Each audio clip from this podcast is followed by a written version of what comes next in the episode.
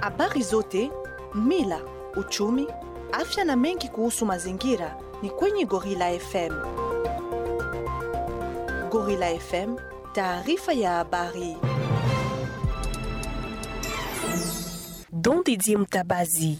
Wapendwa wa wasikilizaji wa Gorilla FM, hamjambo na karibu kufuata habari zetu katika lugha bora na tukufu ya Kiswahili. Fundi mitambo wangu anakuwa Aldo Chokola na kwanza muktasari wake. Na hali ilikuwa heka heka asubuhi ya siku ya ine tarehe 11 Februari mwaka 2021 kata Nyarukemba mtaani Ibanda na hiyo yote ilipelekea vijana wenye hasira kubwa kufika na kufunga barabara kuelekea kwenye shamba ya wafu paruzizi wakichoma gurudumu na kadhalika.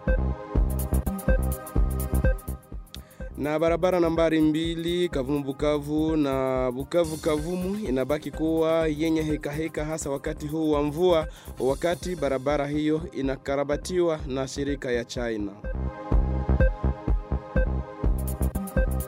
Hao na mengineyo ni katika habari zetu za jioni. jioni kanami hadi mwisho.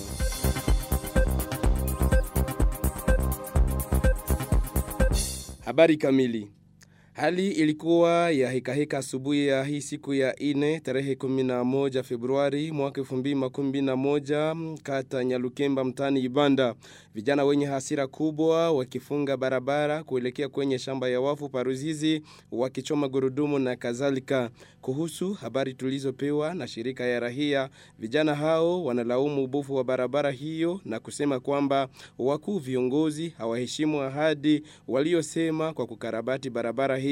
Chanzo inakuwa gari za kubeba wafu zinakuwa na shida ya kufika mahali pa kuzikia. Tusikilize kiongozi wa shirika ya rahia mtani Ibanda David Chikuru akieleza. Tulifunga barabara tangia saa kumi na moja za asubuhi, ilikuwa kulomba waongozi, meya wa muji pamoja na mtaa wa Ibanda kuangalia namna gani kukarabati ile barabara ambayo leo watu ambao wanaenda kuzika wanapata shida, wanatosha ile tunaita serkei mugari na watu wanaibeba kwenye kichwa, sababu barabara inaharibika, inajaa maji. Hata wale ambao wanaenda kuzika huko nao mara kwa mara wanalipa pesa kusudi wafike kwenye makaburi wakiwabeba kwenye mgongo. Kuliweza kufika pale meya wa mji pamoja na burgomestre wa komine ya Ibanda na raia waliwapatia masaa makumi ine na mnane yani siku mbili tangia leo, ili waweze kukarabati barabara hiyo. Nasema kama tutarudi pale tena siku ya posho kusudi kutia presion kuwaongozi waongozi, kwa tunajiuliza tax ambazo tunalipa, kodi tunalipa, zile pesa zinafanya nini? Kila mara ni kuchunga banki kuu ya ulimwenguni ikuwe karabati mabalabala ma masomo, sina kuwa haya. Tunaendelea na presion na kuomba waongozi waangalie namna gani kazi itaweza kuanzishwa, wale ambao wanaenda kuzika waangalie watafika namna gani, sababu inaleta haya sana na ilikuwa sauti yake kiongozi wa shirika ya rahia mtaani Ibanda David Chikuru ambaye alikuwa akijeleza kwenye simu ya mwenzangu Melchior Nyamugabo. Na toke mjini Bukavu tujielekeze huko Luvungi, askari moja wa eneo ya mia tatu makumi ine na moja ya kijeshi aliuawa na silaha yake kupelekwa na raia siku ya tatu tarehe kumi Februari mwaka huu wa elfu mbili makumi na moja pa Luvungi bondeni Ruzizi. Ni kundi moja ya vijana watembeza pigipigi ndio walikuwa wakizozana na askari huyo Mbuyu Lutu Dinamike. Mpaka sasa chanzo ya mashindano ama ya mabishano hiyo bado haijajulikana. Askari jeshi mmoja alikuwa akipita sehemu hiyo, alijaribu kuwatuliza bila kufaulu. Kwa kutaka kujiokoa, askari huyo alifyatua risasi yangani kwa kusambaza watu, na kwa bahati mbaya kijana mmoja alipatwa na risasi na kufariki kisha msaa chache kwenye kituo cha afya ya kwa ukosefu wa damu.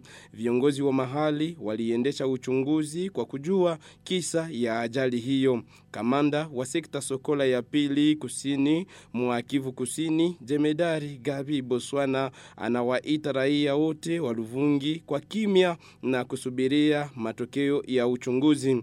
Tumsikilize mnenaji wa sekta Sokola ya pili kusini kusini mwa Kivu Kusini kwenye simu ya mwenzangu Melchior Nyam, Nyamugabo akiwa Paluvungi. Kutokana na mzozano kati ya askari jeshi moja na kundi moja la raia ambao wanaonekana kuwatembeza pigipigi iliyotokea hapo Luvungi, ilikuwa hiyo jana siku ya tatu uh, mapande za jioni. Askari moja alikuwa akibishana na hao watembeza pigipigi uh, kwa ajili ya kosa ambayo hatujue ama shida ambayo hatujue, na hao vijana nao pia wamefaulu kuua askari jeshi uh, huyu ambaye alikuwa akizozana nao uh, wamemuua kwa majiwe. Kwa sasa asubuhi ya leo hali imerudi kuwa shwari na kupitia mazungumzo ambao maofisa mbalimbali maofisa wa batariani ambayo inapatikana hapo walienda kufanya na raia raia ambao walijaribu kufunga njia kwa barabara, kwa sasa wamefungua barabara na hali inarudi kuwa shwari, lakini askari aliyefyatua risasi anaendelea kukimbia, jeshi eh, inaendelea kumtafuta na ankete zinaendelea kusudi tuweze kufahamu chanzo cha hiyo mguzozo ilikuwa nini.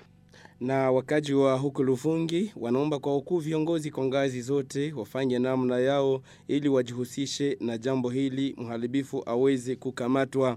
Na nikuchukue Anise Bahizire barabara nambari mbili Kavumu Bukavu na Bukavu Kavumu inabaki kwa heka heka hasa wakati huu wa mvua kali Anise Bahizire. Wakati barabara hiyo inayokarabatiwa na shirika ya China, hali ya barabara hiyo inaleta hofu kwa watumiaji wa barabara hiyo.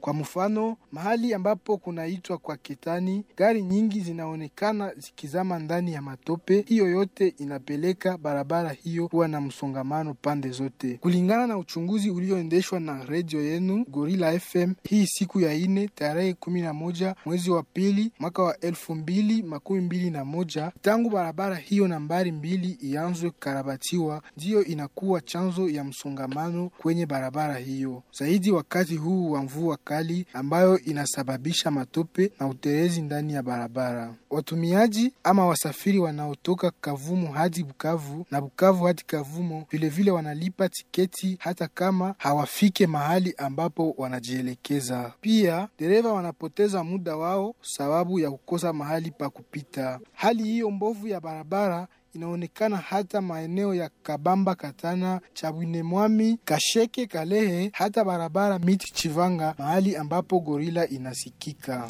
Uh, tunashukuru kwako Anise Bahizire ukiwa mwanafunzi pia ukiendesha mazoezi yako kunako Gorilla FM na unaoifuata ni masafa makumi kenda nukta tatu.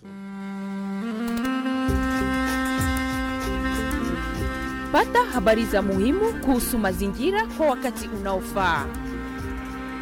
Gorilla FM.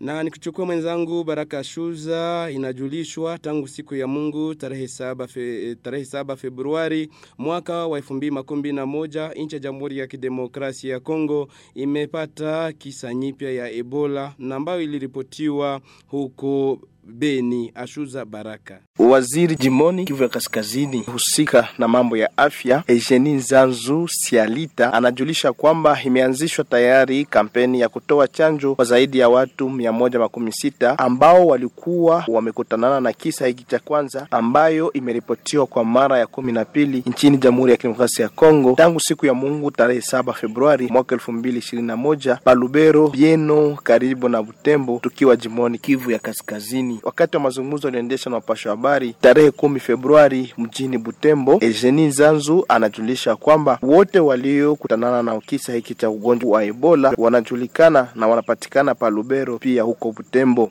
Lakini mambo yanayohuzunisha waziri jimboni Kivu ya Kaskazini husika na afya ni kwamba watu wawili kati ya waliowasiliana na mgonjwa huu wa Ebola, ikiwa ni yule alikuwa akimchunga wakati alipokuwa hospitalini na yule alikuwa akitembeza gari wakati ya kumbeba kwenye hospitali huko mjini Utembo, wote wawili wamekimbia zao na kuielekeza nafasi isiyojulikana, kisa kinachokuwa hatari kwa maisha ya wengine. Waziri anadhani ya kwamba kwa kupiganisha ugonjwa huu wa Ebola kwa haraka, wote waliowasiliana na huyu aliyekuwa mgonjwa wa kwanza walipashwa kufuatiliwa kwa siku makumi mbili na moja na wapate kupewa chanjo ili maambukizi isionekane kuwa mengi katika jimbo ya Kivu ya Kaskazini. Huyu anasema kuanzisha dayari kampeni kwa kuweza kuzuia maambukizi ya ugonjwa huu wa Ebola ikiwa Hamasoya pia huko Butembo. Waziri anaomba kwa wakaaji kubaki kimya na kutokubali maneno mabaya yanayozunguka kama ilivyokuwa wakati wa visa vipya vya ugonjwa wa Ebola eneo hiyo ya jimbo ya Kivu ya Kaskazini na kufahamisha Tujulisha kwamba serikali ya Jamhuri ya Kidemokrasia ya Kongo pamoja na wafadhili wake ikiwa ni shirika ulimwenguni kwa ajili ya afya OMS kwa kifupi, pia shirika UNICEF, wote pamoja wanakuwa wakifanya yawezekanayo kwa kuzuia maambukizi ya ugonjwa wa Ebola. Wakati huu nchi ya Kongo inakuwa katika shida ya kupiganisha ugonjwa wa coronavirus. Ah, shukrani kwako Baraka Shuza, na tutoke jimbo kaskazini tukuletee habari za afya kuhusu ugonjwa wa COVID-19.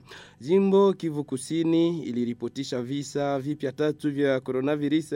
Hii siku ya tatu tarehe 10 Februari mwaka wa 2021 wakati nchi ya Jamhuri ya Kidemokrasia ya Kongo iliripotisha visa 136 mkiwemo visa makumi tano na tano mjini Kinshasa, visa makumi tatu na tano huko Katanga, visa makumi tatu Lualaba, visa kumi jimboni Kivu Kaskazini, visa tatu Kongo Centrale na visa tatu jimboni Kivu Kusini, na matukio hiyo ni zidi ya watu mia sita na ine waliopimwa tangu mwanzo wa ugonjwa wa COVID-19 tarehe kumi Mechi mwaka elfu mbili makumi mbili idadi inakuwa ya elfu makumi mbili na ine makumi uh, na makumi mbili na sita uh, kwa jumla watu mia sita makumi nane na sita ndio wamepoteza maisha hadi sasa nchini pote ya DRC. Watu elfu kumi na tano mia moja makumi saba ndio wameripotiwa kupona nchini pote mwa Jamhuri ya Kidemokrasia ya Kongo. Kipimo cha COVID-19 kinakuwa kwa bure nchini pote ya Jamhuri ya Kidemokrasia ya Kongo, wakati wasafiri wanalipa dola makumi tatu kila msafiri.